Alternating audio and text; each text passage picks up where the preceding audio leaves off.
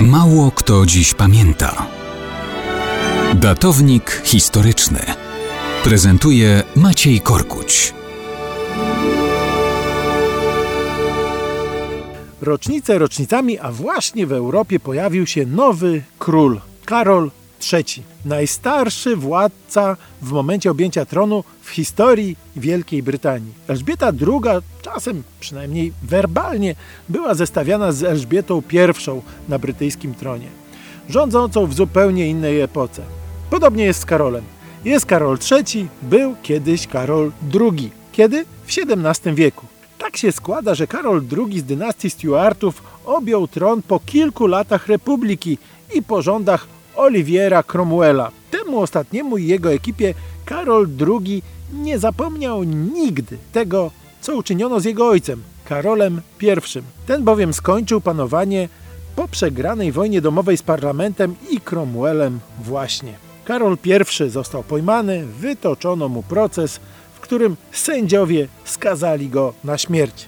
Wydali katu, który dopełnił swoich obowiązków, ścinając władcy głowę. Cromwell na kilka lat triumfował.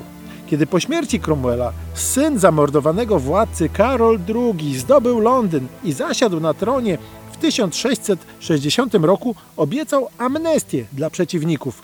Nie objęła jednak ona sędziów, których postawiono przed sądem jako winnych śmierci poprzedniego władcy. Nie objęła też Cromwella, któremu Karol II poprzysiągł zemstę.